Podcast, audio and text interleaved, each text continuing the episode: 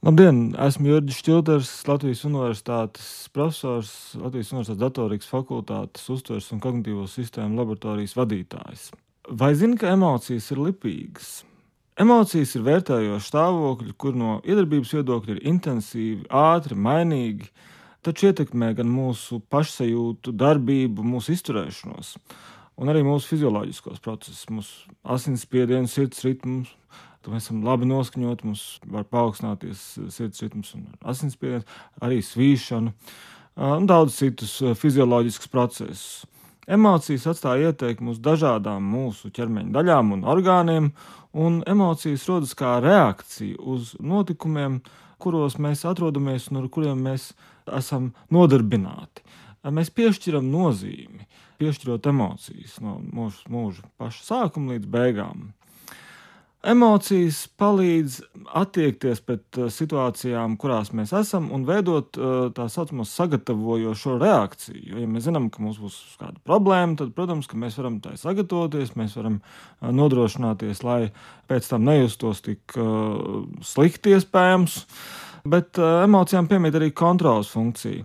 Protams, ka, nu, kā mēs zinām, dažkārt emociju ietekmē mēs izdarām visādas muļķības, kas nozīmē, ka emociju kontrolas funkcija nevienmēr darbojās.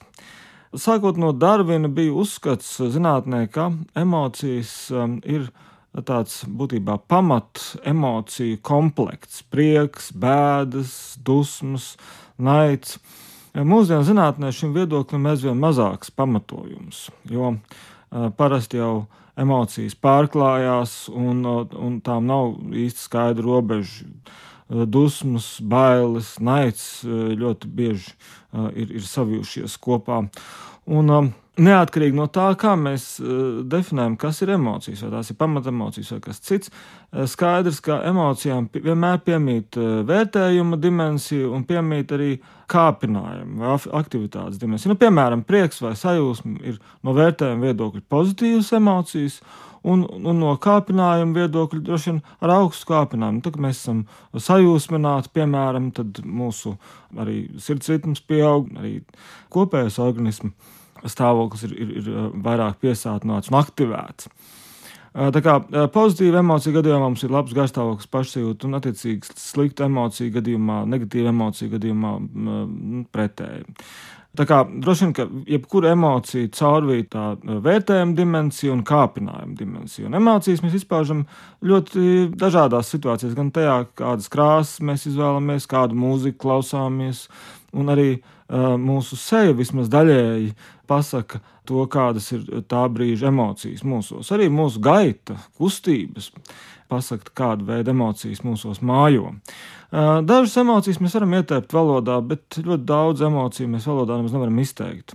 Un 90. gadu sākumā Amsterdamas Universitātes pētnieki konstatēja, ka Eiropas valodās, pat Eiropas valodās, galvenie četri emociju vārdi ir salīdzinoši līdzīgi, taču to secība atšķirās, un arī pārējie emociju vārdi, ko Eiropas cilvēki lieto, ir diezgan atšķirīgi. Tas nozīmē, ka dažādās kultūrās, pat radniecīgās kultūrās, emocijas mēs būtu atšķirīgas. Emocijas mēs būtu arī lipīgas. Un iedomāsimies to situāciju, mēs ienākam cilvēku grupā, kurā visi ir ļoti priecīgi, vai gluži pretēji, visi sarūguši, bēdīgi, dusmīgi. Mēs pavisam automātiski adaptējamies šai grupai izējot no tā, kādas emocijas tajā dominē. Un mēs arī kļūstam vai nu priecīgāki, vai sarūgušāki, vai īdzīgāki. Un domājot par mūsdienām, ik viens no mums ir kāda digitāla sociāla tīkla, Twitter, Facebook, Instagram, arī citu lietotājs.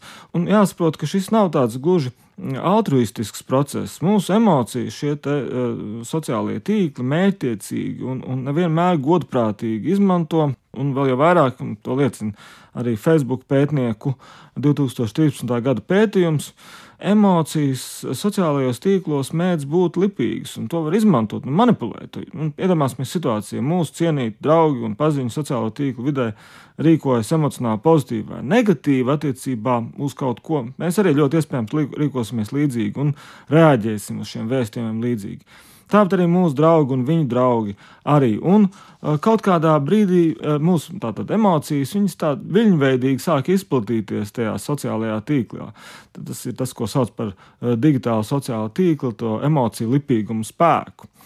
Un atkarībā no mūsu personības iezīmēm, vecuma, arī mūsu noskaņas, mums, protams, ir diezgan labi paredzēt attiecībā uz to, kā mēs rīkosimies kādu notikumu kontekstā emocionāli. Tādējādi ir ļoti svarīgi saprast, kā izvairīties no emocionālas manipulācijas. Gan no klātienes situācijās, nu, kas ir daudz pētīts, gan arī īpaši digitālās komunikācijas situācijās, ko, kas ir salīdzinoši mazāk pētīts, domājot par to, ka mēs dzīvojam ļoti trauslā politiskās manipulācijas laikmetā.